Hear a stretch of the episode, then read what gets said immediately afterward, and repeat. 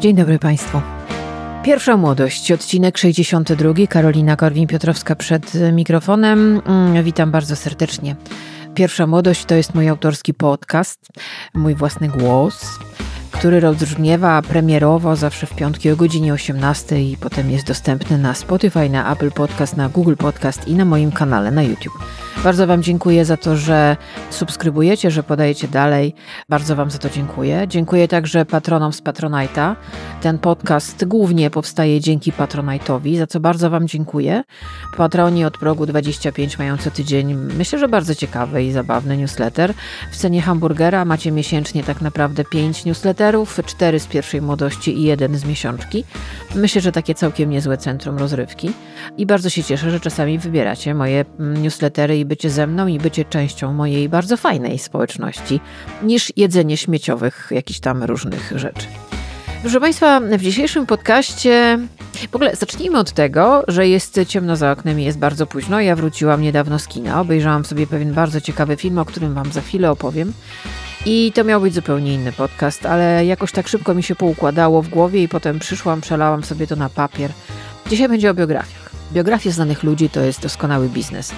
To jest okazja do zarobienia dla całej masy ludzi. Od rodziny począwszy oczywiście, na wytwórni na przykład filmowej czy muzycznej kończąc, a też na przykład na wydawnictwie, które jakieś tam biografie wydaje. Każda biografia, prawie każda, ale jeżeli mamy do czynienia z artystami, którzy inspirowali, dawali do myślenia milionom ludzi na całym świecie, byli dla nich ważni, no to mamy do czynienia z historiami zwykle dość ciekawymi pełnymi e, różnych e, bardzo ciekawych i dramatycznych zwrotów akcji, a to jest to, co tygrysy, czyli my, odbiorcy, lubimy najbardziej. My lubimy oglądać cudze życie na ekranie. Przyznajmy się do tego, lubimy też czasami żyć cudzym życiem, bo nasze jest dość zwyczajne.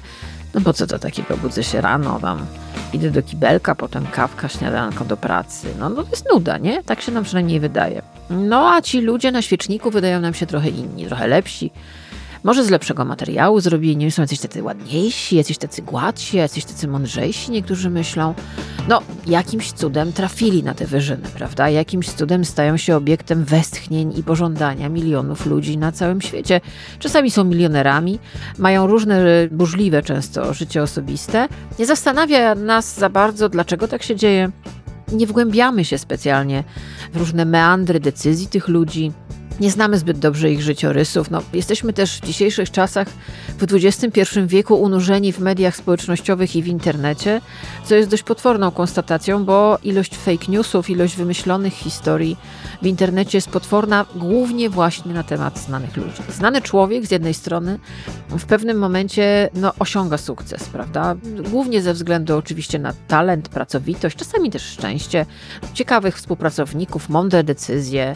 Czasami to jest kwestia tego, że po prostu znalazł się w dobrym miejscu o dobrej porze i to już wystarczyło, że stał się gwiazdą. I on tą gwiazdą jest, prawda, zarabia pieniądze, staje się popularny, staje się rozpoznawalny, mm, ludzie zaczynają do niego wzdychać. To jest pewnie miłe, wiecie, no, bycie kochanym, bycie akceptowanym, bycie pożądanym jest fajne, przyznajmy się. Ale taka osoba w pewnym momencie zawsze tak jest. Zawsze tak jest. Ma taki moment albo słabszy, smutniejszy, gorszy, albo po prostu w pewnym momencie budzi się pewnego dnia o poranku i myśli sobie, chciałbym trochę pobyć sam.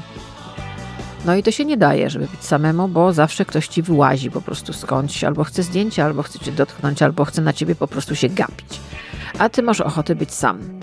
Bycie na świeczniku jest bardzo trudne i nie ma tutaj specjalnie wiele do śmiechu. To są naprawdę, nie, nie, znaczy, że tak powiem, z sufitu się te wszystkie problemy emocjonalne ludzi znanych i rozpoznawalnych nie biorą. Bo z jednej strony ci ludzie bardzo chcieli być znani, znaczy przede wszystkim chcieli robić to, co lubią, za tym szedł sukces finansowy, sukces czasami prywatny, spełniali swoje marzenia, pochodzą z różnych domów i na przykład jak się pochodzi z biedniejszego domu, to się zawsze marzyło, żeby mieć duże mieszkanie, a potem nie szkodzi, żeby mieć na przykład wielki dom i chciało się mieć samochód, to ma się jeden, drugi, piąty, siódmy, tak? No zatem często idą żony, mężowie, rozwody, kochanki, nałogi, choroby, wszystko wiadomo, tak? No i w dzisiejszych czasach jeszcze to są ludzie unurzeni w mediach. Zanurzeni w tych mediach, bez tych mediów nie funkcjonujący i często utrzymujący dzięki swojej pracy całą masę ludzi. Dlaczego to mówię? Oglądając osobę znaną, tak naprawdę nie za bardzo interesujemy tym, jaka ona jest naprawdę. Znaczy, nam się wydaje, że wiemy o niej wszystko. Dlaczego? Mamy do tego pełne prawo. Ona często jest z nami całe nasze życie. Znamy jej piosenki, znamy jej rolę, książki, czytaliśmy przecież te książki, na przykład czytaliśmy w artykuły jakieś na przykład w internecie, w gazecie, gdziekolwiek. Były wywiady, były materiały w mediach i myśmy to oglądali, czyli nam się wydaje, że wiemy wszystko. Nie, my nic nie wiemy. Znana osoba, szczególnie w momencie swojej śmierci, staje się przedmiotem, który przechodzi z rąk do rąk. Ciało jeszcze trochę nie ostygło, a już niektórzy kombinują, jak na tym zarobić. To jest e, niestety cecha naszych dzisiejszych czasów. I opowiem Wam dzisiaj o osobie, której powstały całkiem niedawno, w ostatnich latach, dwa filmy. I te dwa filmy pokazują tę samą osobę z dwóch różnych, że tak powiem, punktów widzenia, co jest bardzo ciekawe. Kiedy byłam mała, bardzo lubiłam Elvisa. Bardzo mi się podobał i miałam koszulkę z Elvisem. Miałam koszulkę z Bobem Marleyem i miałam koszulkę z Elvisem. Tata mi przywiózł. Ja byłam bardzo dumna z tych koszulek. Strasznie jej lubiłam i ta z Elvisa była zawsze trochę za duża i bardzo mi się podobał. I mieliśmy płytę Elvisa w domu i się tego Elvisa słuchało i zawsze jakoś tak był dla mnie ważny muszę przyznać, i uważam go za króla, absolutnie. Mam parę jego piosenek, które non-stop sobie puszczam na Spotify. Lubię, lubię gościa, chociaż no, mam już swoje lata, więc zdążyłam się trochę dokształcić, poczytałam, trochę pooglądałam i myślę, że trochę wiem na temat tego, jak bardzo był skomplikowaną, to jest eufemizm osobą, jak też bardzo był nieszczęśliwy i w sumie samotny. I jak właśnie był dzieckiem trochę swoich czasów, świata, z którego pochodził, i jak był też ofiarą swoich czasów tak jak mówię wam, wróciłam niedawno z kina, wróciłam z filmu pod tytułem Priscilla o żonie Elvisa Presleya, Priscilla Presley. Jestem pod ogromnym wrażeniem tego, co zobaczyłam, bo bardzo się cieszę, że opowiadamy historię show biznesu, nie tylko historię show biznesu, która pisana jest bardzo często niestety rękami mężczyzn, ale zaczynamy się skupiać też na tych kobietach, które tam były na pierwszym, drugim, trzecim planie, ale bez nich tej historii by nie było. Dzisiaj będzie o Elvisie filmowym. No dobrze. Ja pamiętam ten moment, kiedy była premiera filmu Elvis w Cannes, w reżyserii, filmu w reżyserii Baza Lurmana.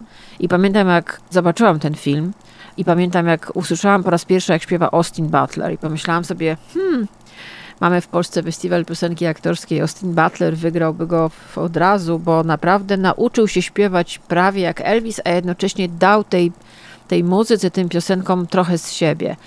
Zaczynamy naszą rozmowę o Elvisie i naszą opowieść o Elvisie piosenką o wykonaniu Austina Butlera z filmu Elvis.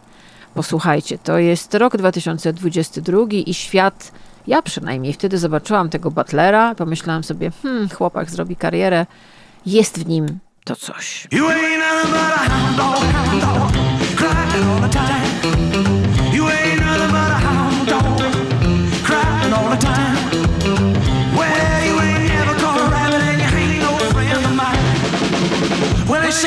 was high class. Well, that was just a lie. Yeah, they said you were high class. Well, that was just a lie.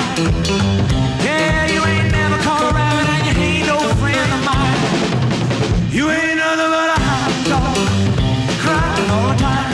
I ten film Baza Lormana pod tytułem Elvis z Austinem Butlerem w roli głównej to jest taki trochę blink-blink. Ja miałam takie wrażenie, jak oglądałam ten film, Zresztą bardzo często mam to przy Lurmanie. Wszystkiego ma za dużo na planie. Pisze za duże scenariusze, ma za dużo pieniędzy na film i wszystkiego robi za dużo. Znaczy mam takie wrażenie nadmiaru, co momentami jest trochę nieznośne, ale akurat w tej historii, która jest mocno cykiniarska, zresztą Elvis występował w Las Vegas, a tam wiadomo, neony, cykiny, e, złotko i pozłotko, więc to się wszystko jakoś tak fajnie spinało. I ta opowieść o Elvisie w reżyserii Baza Lormana, która była pokazana na festiwalu filmowym w Cannes w 2022 roku, jest właśnie jak taka wielka cekinowa peleryna, jaką się Elvis lubił na scenie okrywać, bo ten film cały śni nawet kiedy pokazuje początki Elvisa, które nie były takie znowu kolorowe, ale rzeczywiście to jest film, w którym wszystko jest w nadmiarze. I głównym bohaterem tego filmu, co też jest dość paradoksalne, wcale nie jest Elvis. Grany bardzo dobrze przez Austina Butlera. Nie, nie wiem, czy jakoś wybitnie, ale ten chłopak ma ogromną charyzmę ekranową. To jest jeden z tych aktorów, który, którego kamera uwielbia, który ma świetne oczy, ma świetną twarz, jest totalnie fotogeniczny i on z kamerą też flirtuje. To jest obustronne uczucie bardzo mocne, bardzo intensywne i w tym filmie to się doskonale sprzedało, bo sam Elvis też był niesłychanie fotogeniczny, aczkolwiek nie od razu nauczył się z tą kamerą współpracować, ale też kamera go kochała. To był po prostu piękny, bardzo seksowny chłopak. Więc do roli Elvisa musi być zawsze brany piękny, bardzo seksowny chłopak, któremu sekso seksowność, jego seksapil będzie uszami wylatywał i taki jest Austin Butler. Ale opowieść Elvis, Baza Larmana, jest tak naprawdę o słynnym pułkowniku, który był menadżerem, wieloletnim menadżerem Elvisa Presleya. To był pułkownik Tom Parker, w tej roli wystąpił Tom Hanks który absolutnie ten film dominuje, bo to jest taki z jednej strony demiurg, który w, w małym chudym chłopaku odkrywa gwiazdę i sam proponuje swoje usługi i zaczyna prowadzić jego sprawy, a z drugiej strony jest to człowiek, który ewidentnie, tak z tego filmu wynika, przyczynił się do złego końca Elvisa i który no, monitorował zarówno życie prywatne, jak i życie zawodowe i e, jakby lepił tego chłopaka trochę na swoje jakieś tam, według jakichś swoich wyobrażeń, które nie wiadomo skąd on tak naprawdę miał, bo on miał z biznesem muzycznym tyle wspólnego, co ja z baletem klasycznym, czyli nic. Ale jakoś tam rzeczywiście przynajmniej na początku pomógł tej gwieździe rozbłysnąć. No potem niestety i ten film bardzo jasno to opowiada, przyczynił się do upadku tejże gwiazdy ten cały film Elvis tak naprawdę jest jednym wielkim, totalnym teledyskiem. Jest nieprzewidywalny, jest porażający wizualnie. Rzeczywiście Baz Luhrmann lubi takie mocne wizualne historie, które wciągają odbiorców w swoją narrację. Potem po wyjściu z kina zastanawiamy się, co tak naprawdę zobaczyliśmy i nie każdy jest w stanie odpowiedzieć, co tak naprawdę zobaczył. No właśnie, bo Tutaj mamy opowieść o młodym chłopaku, który stał się wielką gwiazdą show biznesu, gwiazdą globalną, który za zaczął dość szybko zarabiać dość duże pieniądze i wokół niego zaczęli kręcić się ludzie, którzy jak pijawki przysywali się do niego i on po prostu pracował też i na nich. Jest to opowieść o chłopaku, który miał marzenie, który na scenie czuł się jak mało kto pewnie i rzeczywiście zrewolucjonizował muzykę, ale też zrewolucjonizował sposób poruszania się na scenie. No to jego słynne ruchy bioder, za które, których próbowano mu zakazać na scenie.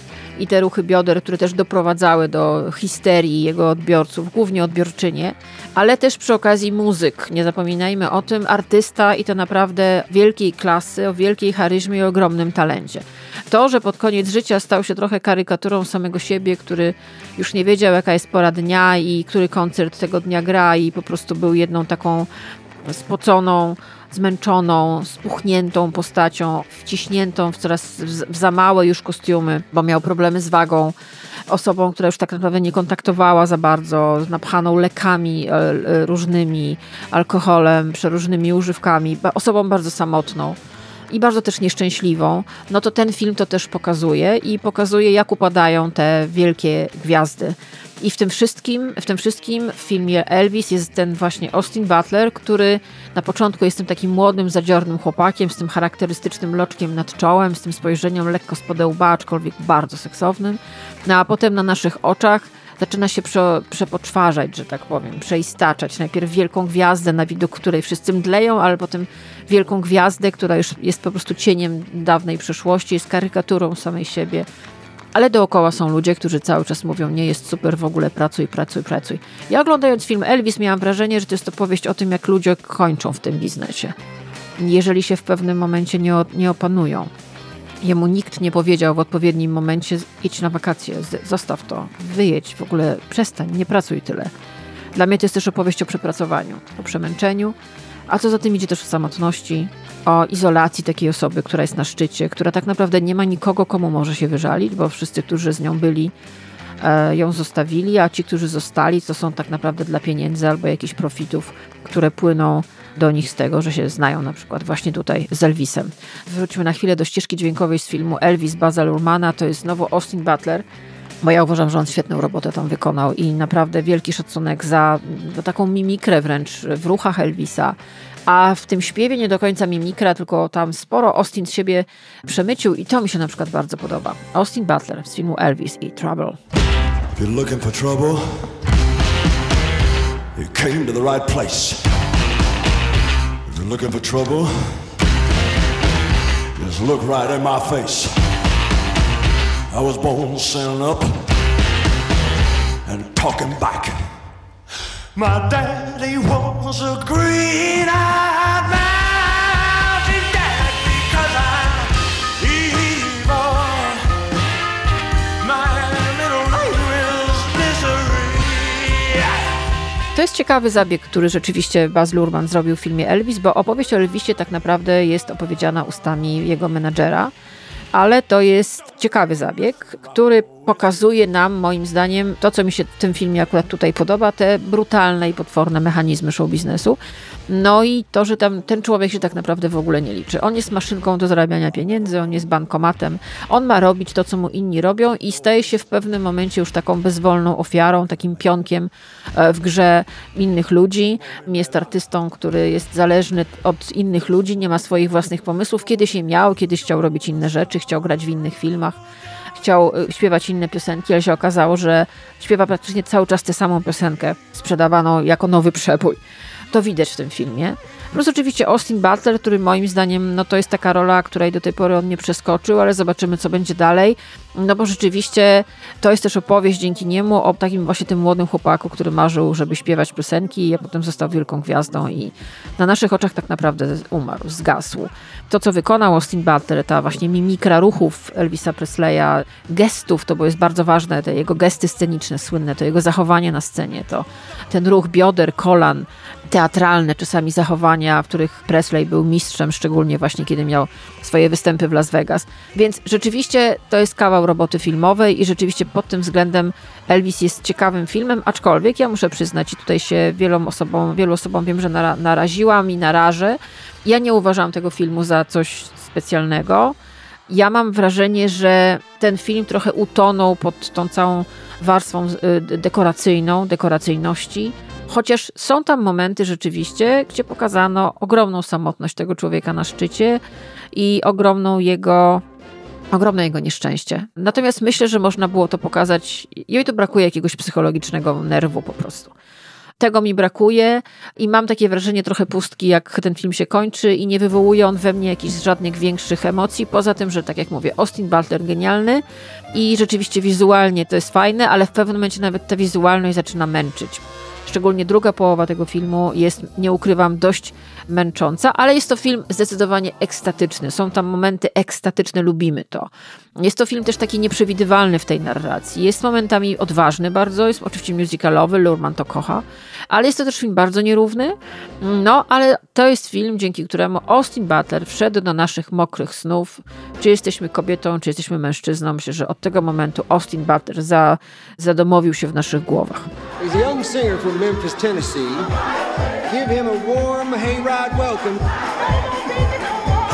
Mr. Elvis Presley. Get a haircut, buttercup. In that moment, I watched that skinny boy transform into a superhero.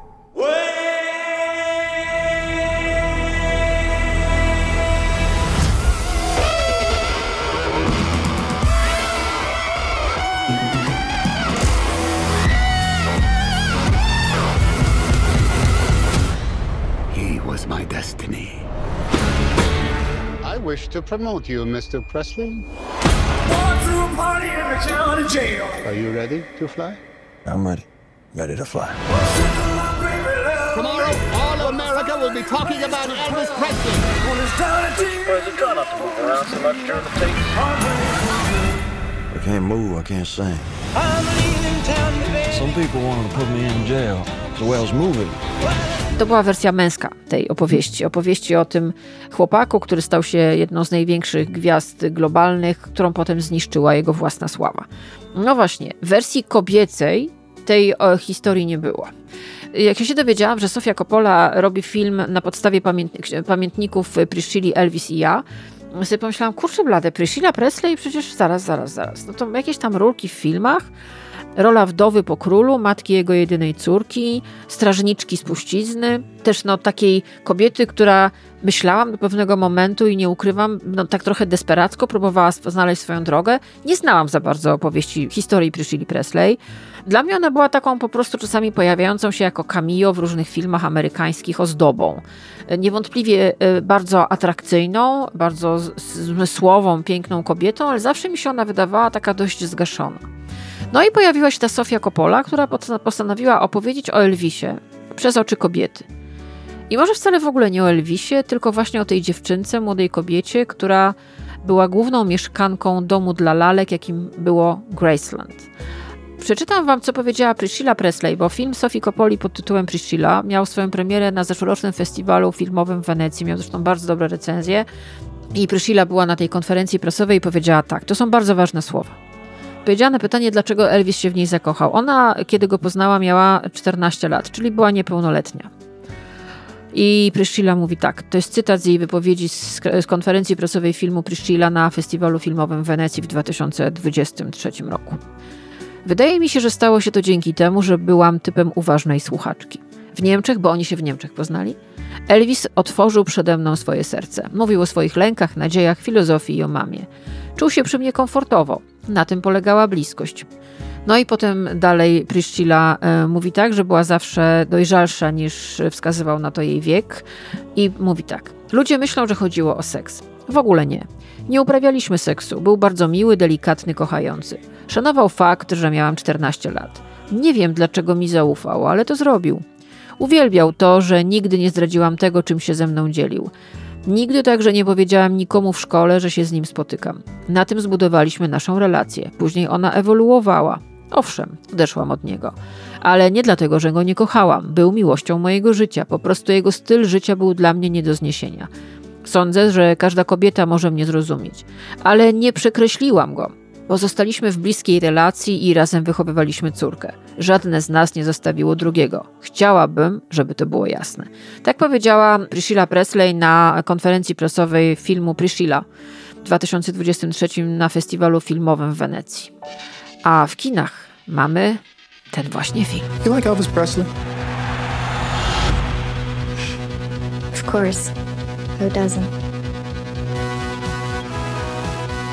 Who do we have here? Uh, Elvis, this is Priscilla Bullio. What do you say maybe we go someone quiet? Just what is the intent here, Mr. Presley? What you got? Women throwing themselves at you. Why my daughter? I happen to be very fond of your daughter.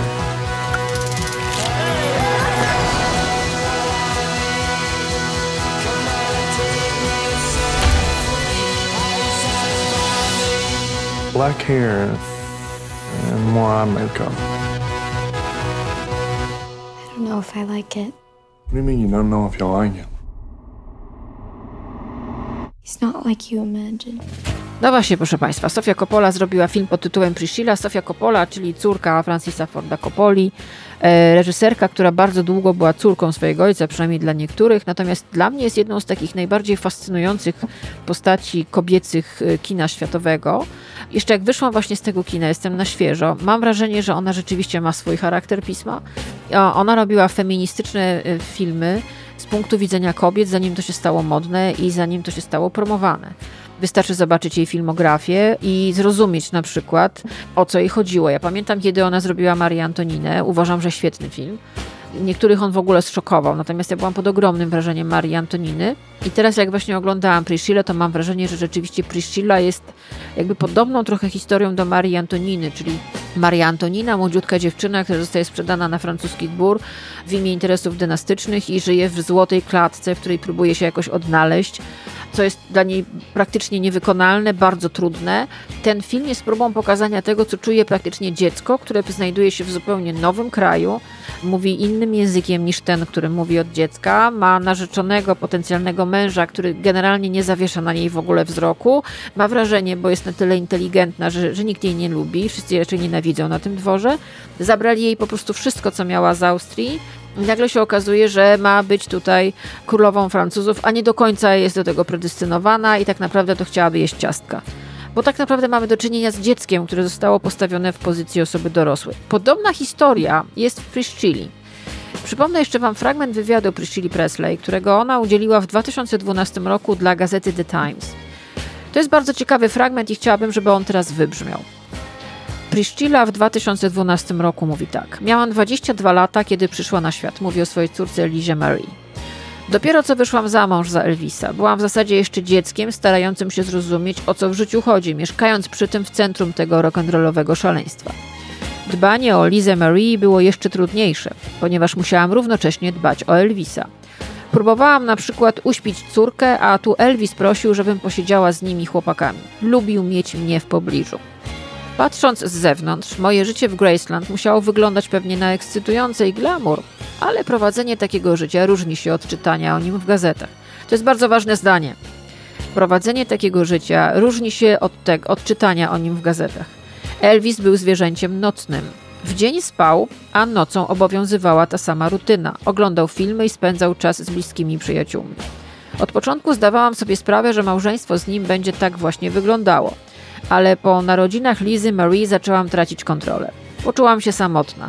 Trudno było utrzymać ten związek i ten tryb życia. Elvis i ja wciąż się kochaliśmy, ale kiedy Liza Marie skończyła 4 lata, musiałam podjąć taką, a nie inną decyzję. Dla niej i dla siebie.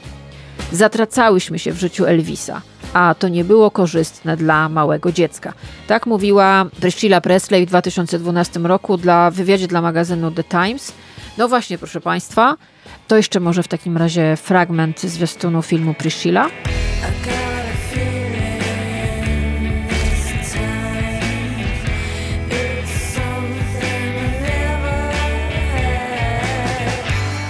You know, there's a lot of rumors about you. Is there anything to it? Oh, I need a woman who understands that things like this might happen. Are you gonna be her or not? Is there something you're hiding? I don't have a goddamn thing to hide. You have everything a woman could want. I want a life of my own.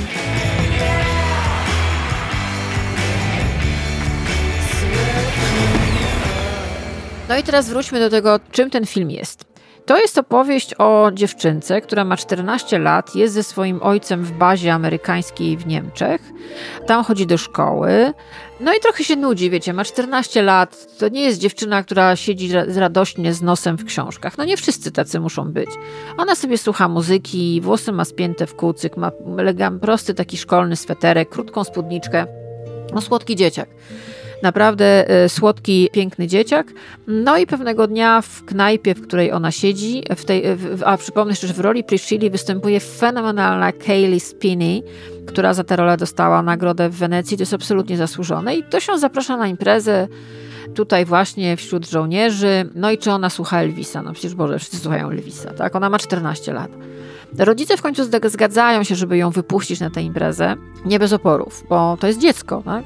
Jedzie na imprezę z dorosłymi facetami, żołnierzami, no nie wiadomo jak tam będzie. No ale tu się okazuje, że jej ojciec rzeczywiście no, ma duży autorytet i żołnierz, który zabiera jego córkę na imprezę, obiecuje, że przywiezie na czas i że wszystko będzie ok. Na tej imprezie rzeczywiście młodziutka e, Priscilla spotyka Elvisa Presleya, który wtedy już jest gwiazdą, a tutaj jest po prostu żołnierzem armii amerykańskiej stacjonującym w Niemczech. I on od razu zawiesza na niej oko, bo ona nie pasuje za bardzo do tego towarzystwa, które tam jest, bo jest przede wszystkim widać, że najmłodsza, że to jest dzieciak, że ma zupełnie inną sukienkę, taką powiedziałabym mieszczańską, zwyczajną, która bardziej zakrywa wszystko niż odkrywa. To się potem zmieni. I widać po jej buźce, po jej oczach, znaczy Kaylee Spinney ma niesamowitą tak zwaną baby face. To jest coś, co jest y, fenomenalnie wygrane w tym filmie. To jest taka buzia dziecka, takie piękne, duże oczy, wyraziste usta, okrągła jest ta buzia, no po prostu buzia małej dziewczynki. Ona może być zarówno buzią ośmiolatki, jak i trzydziestolatki. Naprawdę niesamowicie jest to wygrana, ta naturalne warunki, które ma Kaylee Spinney. No i ten Elvis siada z tą dziewczynką, która ma 14 lat. On się pyta, w jakiej ona jest szkole, i no, trafia do niego, że to jest dziecko, ale zaczyna z nią rozmawiać. Tak?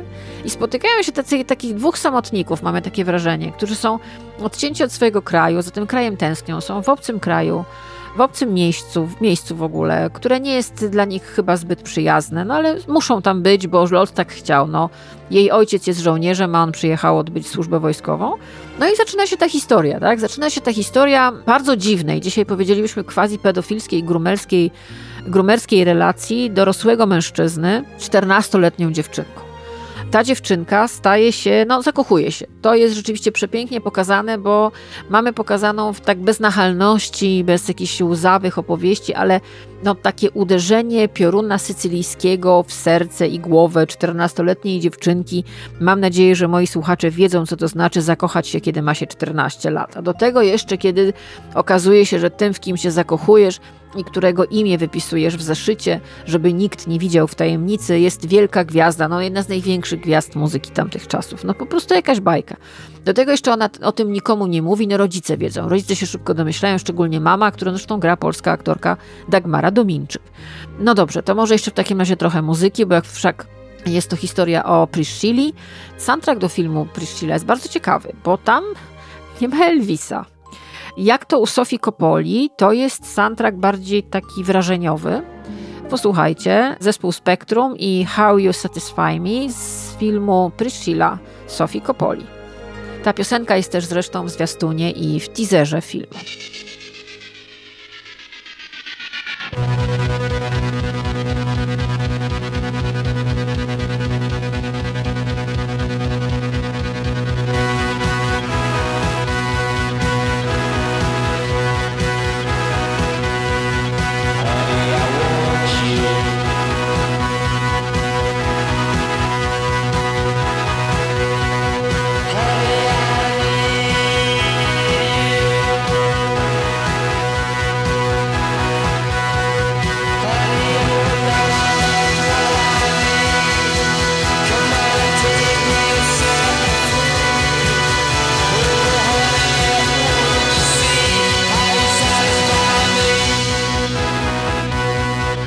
Dla mnie w filmie Priscilla poza główną aktorką, bo rzeczywiście uważam, że, że ona jest fenomenalna i poza Jacobem Elordim, którego oglądaliśmy w Euforii, a ostatnio w Saltburn, no, który tutaj pokazuje, że jest rzeczywiście bardzo dobrym aktorem, to jest to, jak ten film wygląda. Priscilla Presley nie była zbyt wysoka, a aktorka, która ją odtwarza też jest drobniutka, a Elordi ma 1,90 m i różnica wzrostu jest między nimi widoczna i to jest niesamowite, jak ta dziewczyna, która po raz pierwszy przyjeżdża do Stanów Zjednoczonych, do swojego chłopaka, że tak powiem, wchodzi do czegoś, co przypomina jakiś taki domek dla lalek, takie dawne domki dla lalek, gdzie były takie małe mebelki, takie tam prawda, jakaś kanapa obowiązkowa, zasłonki, tutaj były takie ciężkie zasłony eksamitne i ona po prostu pojawia się w tym wnętrzu, taka mała laleczka wstawiona do takiego domku dla lalek. No bo Graceland, dość duża posiadłość, ale pamiętam jak czytałam książkę Priscilli, no to tam jest o, tej, że tam, o tym, że tam było klaustrofobicznie momentami. I rzeczywiście to, co robi Sofia Coppola i robi to mistrzowsko, nie pozwala zdominować tej opowieści Elvisowi, tylko to jest opowieść o Priscilli. W związku z tym ten świat, jaki my oglądamy, jest z jej punktu widzenia. Czyli jak ona na przykład głównie siedząc w Stanach czeka na swojego chłopaka i nudzi się, no bo jest dzieciakiem, ma tam te kilkanaście lat, 14, 15, 16, 17, nie ma co ze sobą zrobić. On w końcu ściąga ją do Stanów i ona zaczyna chodzić do, jak on mówi, dobrej katolickiej szkoły, żeby tę szkołę skończyła, bo jej rodzice się upierają. I kiedy ona wymyśla sobie, że może by popracowała w sklepie, bo nikt nie wie, że ona jest jego dziewczyną. Jakieś tam coś tam plotkują, no ale ona by chciała mieć swoje pieniądze, słyszy, że to jest w ogóle niemożliwe, albo jesteś ze mną, albo kariera. A ona jest zakochana. I to jest opowieść też, szczególnie w pierwszej połowie tego filmu, o tym, jak zakochują się nastolatki. Bardzo prawdziwa. Zakochują się na zabój, zakochują się bezmyślnie, wiadomo i zakochują się po prostu po końcówki włosów i w ogóle nie ma w tym racjonalnego myślenia. Żadne lampki jej nie się nie zapalają w głowie. Nic, nic, nic. Ona jest zakochana, tym bardziej, że on potrafi być uroczy, aczkolwiek są tam momenty, które też bez ostentacji, ale pokazuje Sofia Coppola, na przykład wybuchy gniewu. I to jest taki moment, że my dzisiaj jesteśmy w 2024 roku i mamy ochotę krzyczeć dziewczyno uciekaj, bo to jest zapowiedź tego, co ją może czekać całkiem niedługo, kiedy on już na przykład przestanie e, udawać.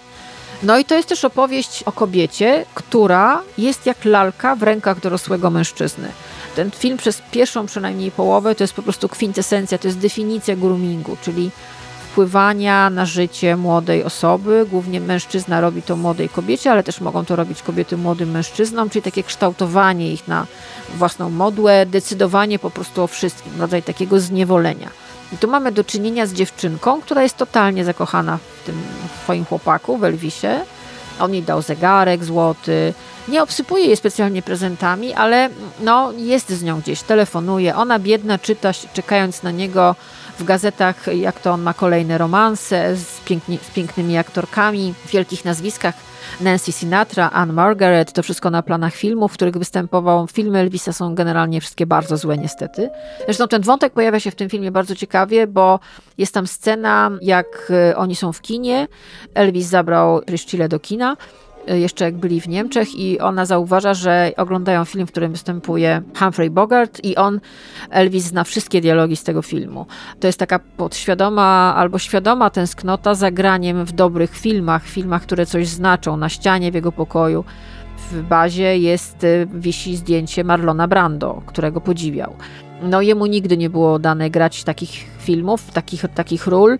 Nie był traktowany specjalnie poważnie, zresztą nie wiem, czy by to umiał zrobić. Ja widziałam parę filmów z Elvisem, no i to niestety aktorsko było dość średnie, aczkolwiek nie wiemy, co by się stało, gdyby on się dostał w ręce dobrego reżysera i nie miał do, do zrobienia na planie głównie zaśpiewania tylko swojej piosenki i kręcenia biodrami. No tego nie wiemy. Niestety do tego ograniczały, się filmy, w których grał. Ale wracamy.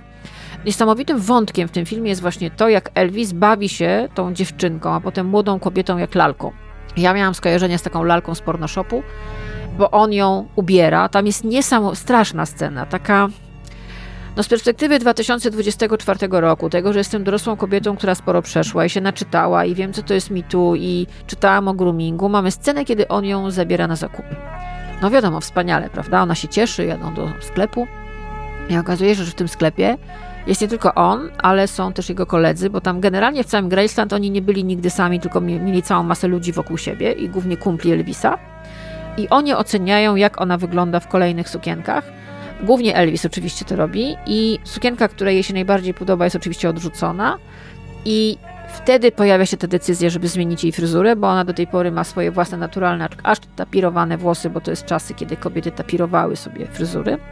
I Elvis nad nią staje po prostu jak taki, wiecie, rzeźbiarz nad kawałkiem marmuru i mówi czarne włosy, oko, mocniejszy makijaż, będzie widać twoje oczy. Potem tam jest taka scena, gdzie ona sama odważyła się pójść na zakupy i przynosi torby ubrań i wchodzi do, do sypialni i ma na sobie sukienkę w geometryczne duże wzory, a on na nią krzyczy, że nie, jej nie można nosić takich sukienek, bo ona jest niska i po prostu te wzory ją dominują. To nieważne, że jej się podoba i że ona chciałaby założyć sukienkę, która nie pokazuje jej wspaniałej figury, tylko chciałaby właśnie założyć tak zwaną baby dolkę, bo ona ma taką sukienkę odcinaną spod biustu. Elvis tego nie znosił. To są takie momenty, jej wygląd, to jak ona się ubiera, to są takie pierwsze momenty sporne Chociaż na początku ona się na to godzi i to jest też niesamowite, ja wam mówiłam o tym baby face, o tej młodziutkiej buzi, która nagle, to jest niesamowite, staje się twarzą kobiety z, z przeszłością. Eufemizm. Te, ta gruba czarna krecha, doklejane sztuczne rzęsy, które ona nawet na produówkę zakłada, utapirowane, y, czarne, ufarbowane włosy, no to jest taka czapa, którą ona na sobie ma, no i te sukienki, które on jej wybiera, on na przykład uważa, że ona powinna nosić głównie niebieskie i głównie gładkie, bez, bez wzorów. I to jest taka opowieść o facecie, który sam sobie, że tak powiem, lepi tę dziewczynę, tę kobietę już przecież, bo tę matkę jego dziecka.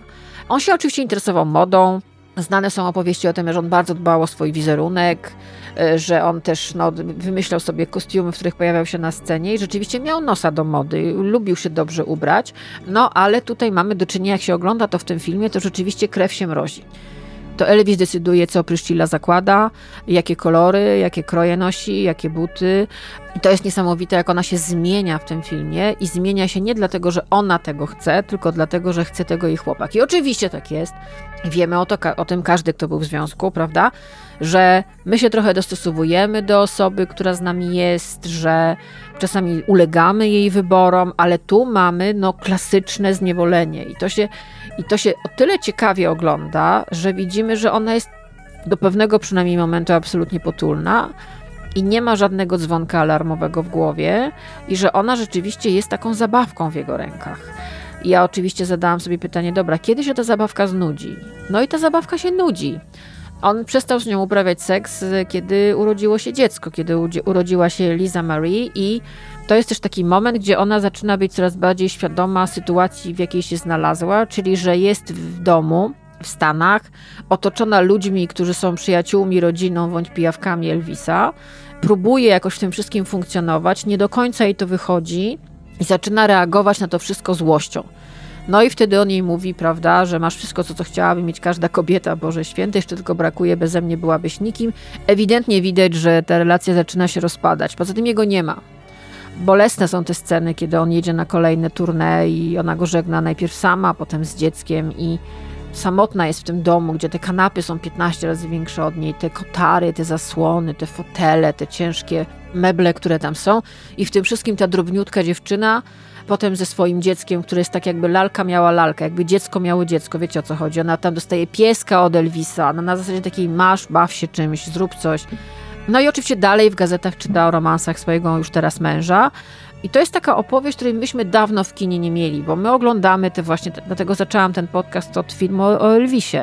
Opowieść o Herosie, patrzymy na niego, na bohatera, który miał trudną osobowość, trudne dzieciństwo, ale się wybił, tak, i ludzie dookoła byli niedobrzy i potem on źle skończył. Myśmy oglądali miliony takich opowieści.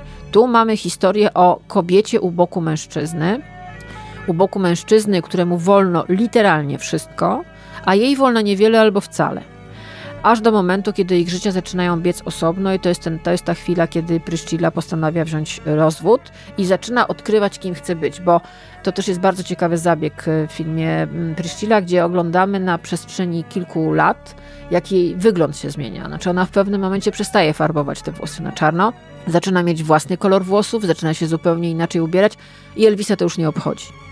I to jest taki moment, kiedy widać, że no trochę jakby ta jego żona już go nie, kręci tak, jak go kręciła. Był taki moment, że rzeczywiście z łóżka nie wychodzili. Zresztą wystarczy wpisać sobie na YouTube prywatne filmy Elvisa Presleya i jest sporo różnych klipów, oni tego dużo nagrywali, tych filmików było sporo i to rzeczywiście były takie trochę zakochane dzieciaki i widać było, że byli bardzo ze sobą zainteresowani. Magnetyzm między nimi był ogromny w patrzeniu w siebie jak, jak w obrazki.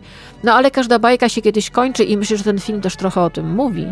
Bo to nie jest tylko opowieść o Elvisie i Pryszcili, to jest w ogóle opowieść o tym, jak miłość się rodzi i potem umiera i pytanie, co z tym zrobimy. To jest rzeczywiście bardzo dobry film. Ja wyszłam z filmu Priscilla uniesiona gdzieś, bo ucieszyłam się, że w taki właśnie sposób pokazano mi opowieść z punktu widzenia kobiety, opowieść o żonie Elvisa, bez Elvisa prawie. Ten Elvis nie dominuje, on się tam oczywiście pojawia z tymi swoimi kumplami, ze swoją rodziną, ale to jest opowieść Priscilli.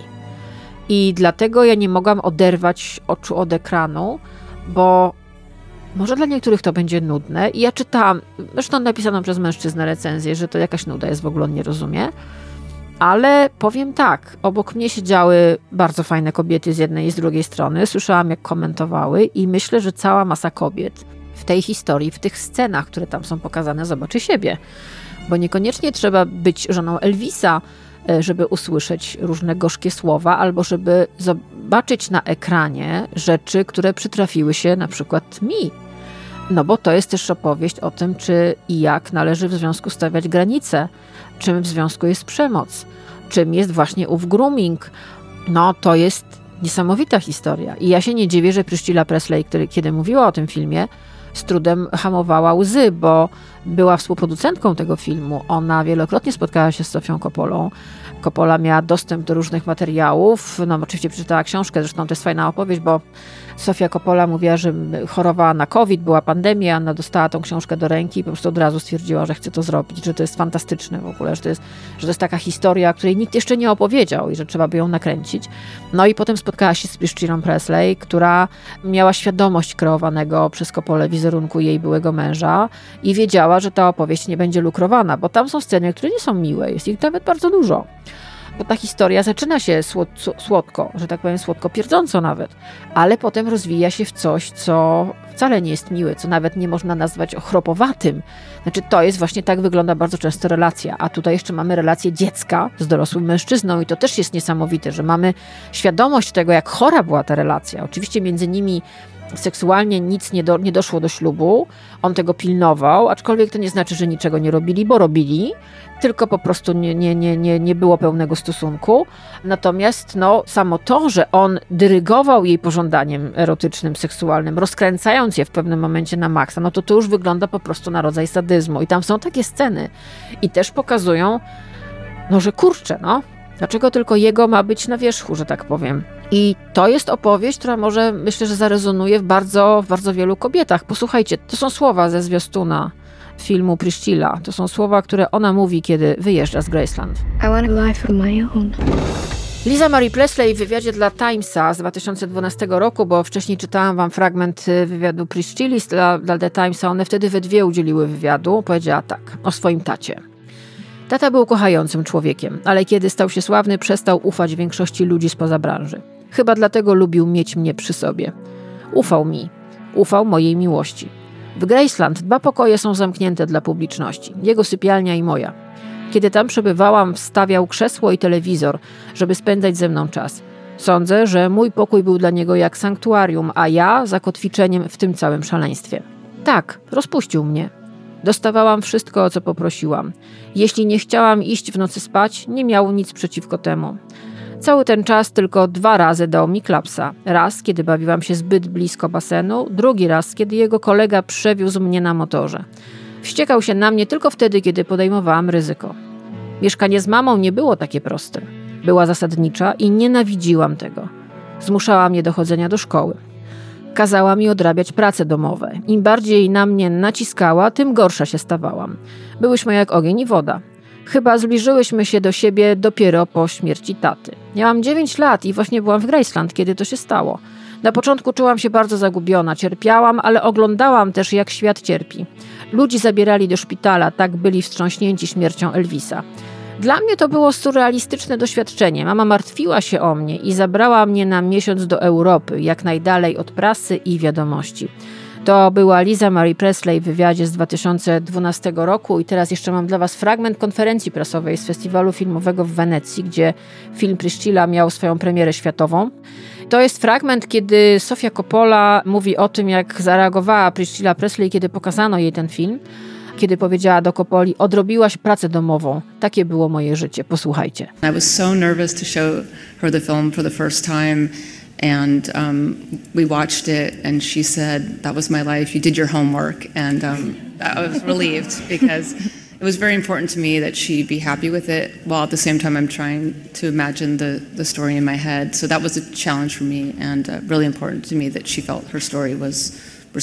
I ten podcast był o tym, że tak naprawdę my nic nie wiemy o ludziach, których biografię oglądamy na ekranie. Bo pamiętajcie o tym, że to, co wam powiedziałam, to, są to jest opowieść o dwóch filmach, o tej samej osobie, z dwóch różnych perspektyw. No i teraz sobie wyobraźmy, że prawdopodobnie nigdy nie dowiemy się, jak było naprawdę że każdy coś ukrywa, ma prawo do swojej interpretacji, do swojej wizji różnych wydarzeń i że tutaj mamy pewien komfort, bo mamy opowieść o Elvisie, ale tak naprawdę oczami jego menadżera i opowieść o żonie Elvisa, która pokazuje perspektywę kobiety, która stała u boku tego mężczyzny przez dobrych parę lat, urodziła mu dziecko, była jego żoną, no a potem na kilka lat przed jego śmiercią zdecydowała się na rozwód. Pamiętajcie, że kiedy znana osoba umiera, wszyscy umrzemy, powtarzam to w tym podcaście, staje się własnością publiczną. To jest dość potworna konstatacja, dlatego nie warto być sławnym, bo lepiej mieć chociaż spokój po śmierci. A ja mam takie wrażenie, ja trochę to, to obserwuję, interesuję się tym, że cyrk zaczyna się dopiero, kiedy człowiek umiera. Bo wiecie, co się wtedy dzieje. Jej życie tej osoby, która była znana, czasami podziwiana albo znienawidzona, już nie należy do niej. Ona już tam gdzieś leży w trumnie, albo jest rozsypywana na jakichś łąkach, albo nad jakimś morzem, a to życie już nie jest jej. Nikt tego nie będzie szanował. Oczywiście mówi się, że dla, dla pamięci mamusi, tatusia, cioci, babci. No znamy to, tak? Ale to życie staje się własnością innych ludzi, a w przypadku osoby znanej to to się dzieje w sposób błyskawiczny i czasami bardzo cyniczny. I te opowieści, które my oglądamy w kinie, w telewizji, w internecie, o których czytamy, to to są opowieści z punktu widzenia danej osoby, która opowiada taką, a nie inną wersję zdarzeń, którą ona uznaje za prawdziwą, jedyną obowiązującą. Pamiętajmy, że jak znana osoba umiera, to zaraz się pojawiają prawnicy, rodzina, media, biografowie, a też pojawiają się reżyserzy, którzy chcą, tak jak Lurman czy Coppola, nakręcić film, zainspirują się życiem artysty. Pojawiają się y, jacyś na przykład pisarze, którzy chcą napisać biografię. Ludzie będą płakać, zapalą znicz, Napiszą post w internecie, puszczą sobie piosenkę, obejrzą fragment filmu, a potem pójdą sobie dalej, natomiast ta rodzina i ci wszyscy, którzy będą nad tym grobem stali, z tym wszystkim zostaną. nam czasami dadzą jakiś odprysk tego w postaci pamiętników, tak jak właśnie Priscilla Presley napisała Elvis i ja. Ta książka jest po polsku, radzę wam ją przeczytać, bo to jest bardzo ciekawa lektura.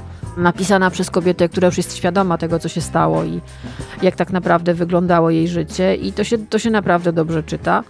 Ta rodzina czasami pisze biografię, czasami udziela skandalizujących wywiadów. My też w Polsce mamy takie historie. Mamy te bitwy nad trumnami znanych i lubianych, tak? To się dzieje i tego się będzie działo coraz więcej, ponieważ nasze życie prywatne jest coraz bardziej życiem publicznym, bez względu na to, czy jesteśmy wielką gwiazdą roka, czy panią Ziutą na przykład. To się niestety dzieje. I jak sobie oglądacie takie filmy o Elvisie czy o żonie Elvisa, pamiętajcie, że tam na górze ci, ci ludzie, jak już tam się dostaną, jak już tam się wdrapią, zedrą sobie kolana, pazury, co tam kto lubi, to są często bardzo samotni, bardzo nieszczęśliwi i bardzo smutni. Aczkolwiek trudno jest, jest, jest, im się przyznać do tego, że jest naprawdę bardzo źle i myślę, że Elvis był taką osobą, która miał tylko, miała tylko czasami przebłyski tego, takiej świadomości, która mu mówiła, jak nisko leci. Znaczy, że po prostu pikuje, za chwilę rozwali się o ziemię. Myślę, że tragedia tej postaci polegała na tym, że nie miał przy sobie nikogo, kto by go ostrzegł, kto by mu powiedział, że coś jest źle, a z drugiej strony, z tego co te filmy też pokazują, on mógł być głuchy na takie rzeczy że jednak jego ego było naprawdę wielkości miasta, z którego do Was mówię, czyli Warszawy, i on był po prostu odporny na pewne, pewne sytuacje. Reagował agresją, reagował emocjonalnie albo zamykał się w sobie. Idźcie do kina na Pryszcile. To jest y, moim zdaniem o wiele lepszy film niż ten, który nas nakręcił Baz Luhrmann. Nie tylko dlatego, że jest z punktu widzenia kobiety nakręcony, ale to jest w ogóle opowieść o relacji to, czego nie ma w filmie Baza Lurmana pod tytułem Elvis, jest Priscilli. To jest opowieść o relacji. O relacji, która niekoniecznie musi być między młodziutką dziewczyną i gwiazdą muzyki, gwiazdą globalną. W ogóle między nami, między ludźmi. I o tym, kiedy ta relacja staje się czymś absolutnie nie do zniesienia. O tym jest ten film. I też o tym, że czasami jak kobieta zmieni kolor włosów i założy zupełnie inne ubranie, to wybija się na niepodległość bo to też jest ważne wbrew pozorom bardzo. Proszę Państwa, to był podcast Pierwsza Młodość. Ja się nazywam Karolina Korwin-Piotrowska. Przypominam, podcast ma premierę w piątki o godzinie 18 na Spotify, na Apple Podcast, na Google Podcast i na moim kanale na YouTube.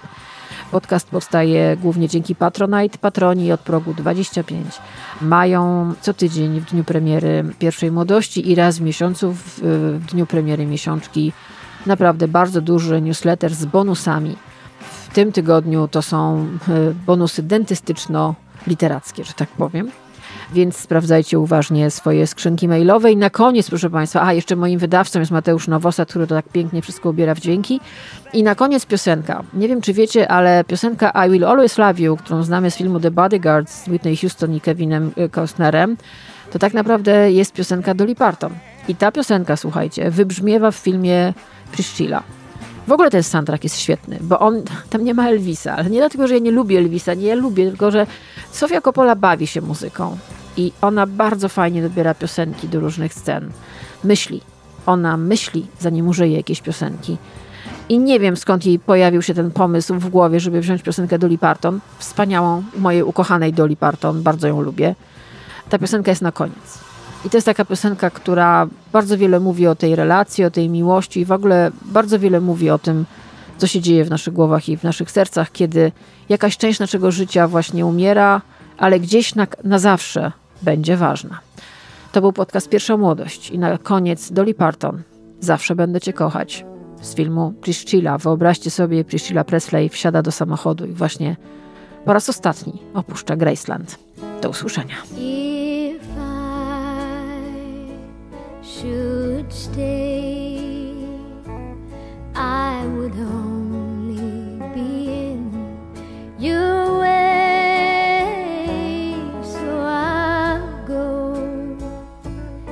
But I know I'll think of you each step of the way.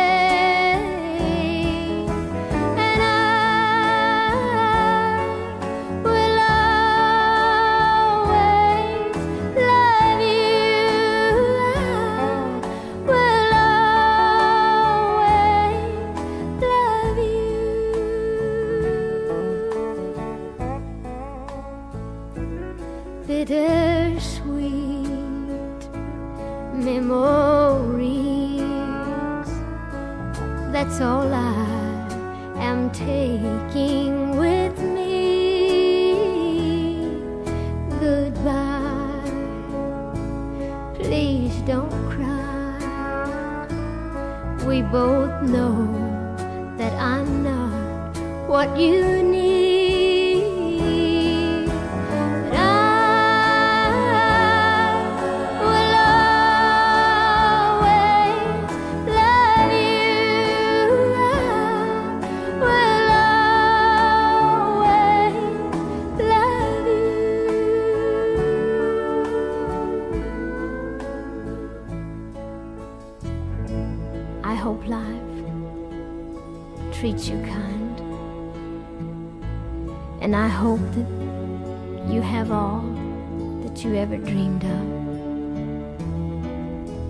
Wish you joy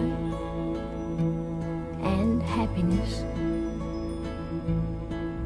But above all of this, I wish you love.